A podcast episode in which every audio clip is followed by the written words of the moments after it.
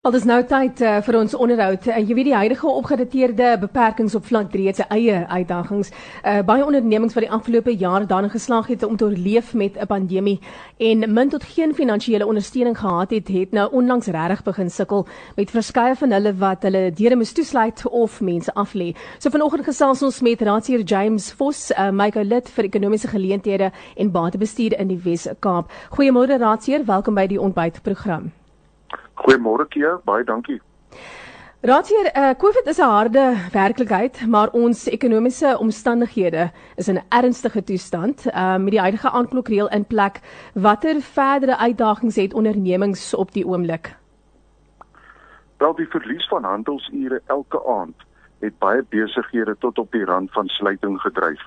Wat sal beteken hulle kan nie rekeninge betaal nie of personeel in diens kan hou nie en daarom het die stad Kaapstad 'n beroep op die regering gedoen om die aanklokreël te heroorweeg want elke uur se handel is noodsaaklik vir sake om ondernemings om oop te bly, rekeninge te betaal en dan personeel in diens te hou.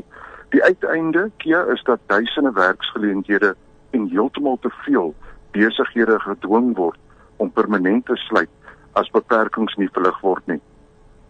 Nou, is dit net so maklik soos dit op die ouene van die dag om die om die uh jy weet die aandklokreël op te hef uh, of wat moet nog gedoen word?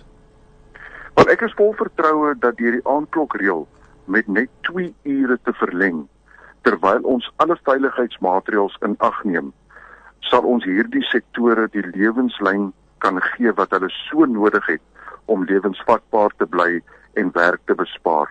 Ons ekonomie in Kaapstad is afhanklik van die voedsel en drank, vervaardigings, toerisme en gasvryheid en kleinhandelsektor, insluitende diensverskaffers vir werk en ekonomiese aktiwiteite.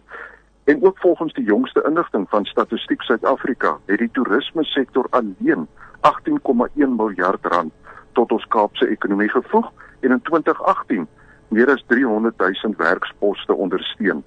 En daarom het ek aan die minister van samewerkende regering Lamini Zuma geskryf om te vra dat sy dringend oorweeg om die huidige aanklokreël van 9 uur op te hef en tot 11 uur te skuif want ek is oorval met oproepe van desperate besighede in toerisme, vervaardiging en kleinhandel wat sukkel om te oorleef weens die tekort aan handelsure.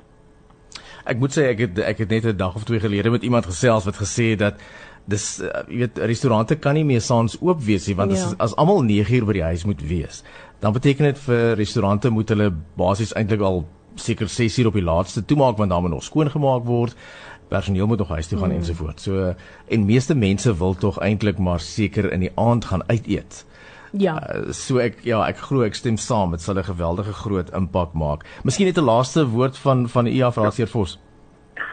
Ja. Ons doen dit omdat tye moeilik is en ons ekonomie is afhanklik van die vele sektore van kleinhandel tot toerisme, restaurante en vervaardiging vir werk en ekonomiese aktiwiteite.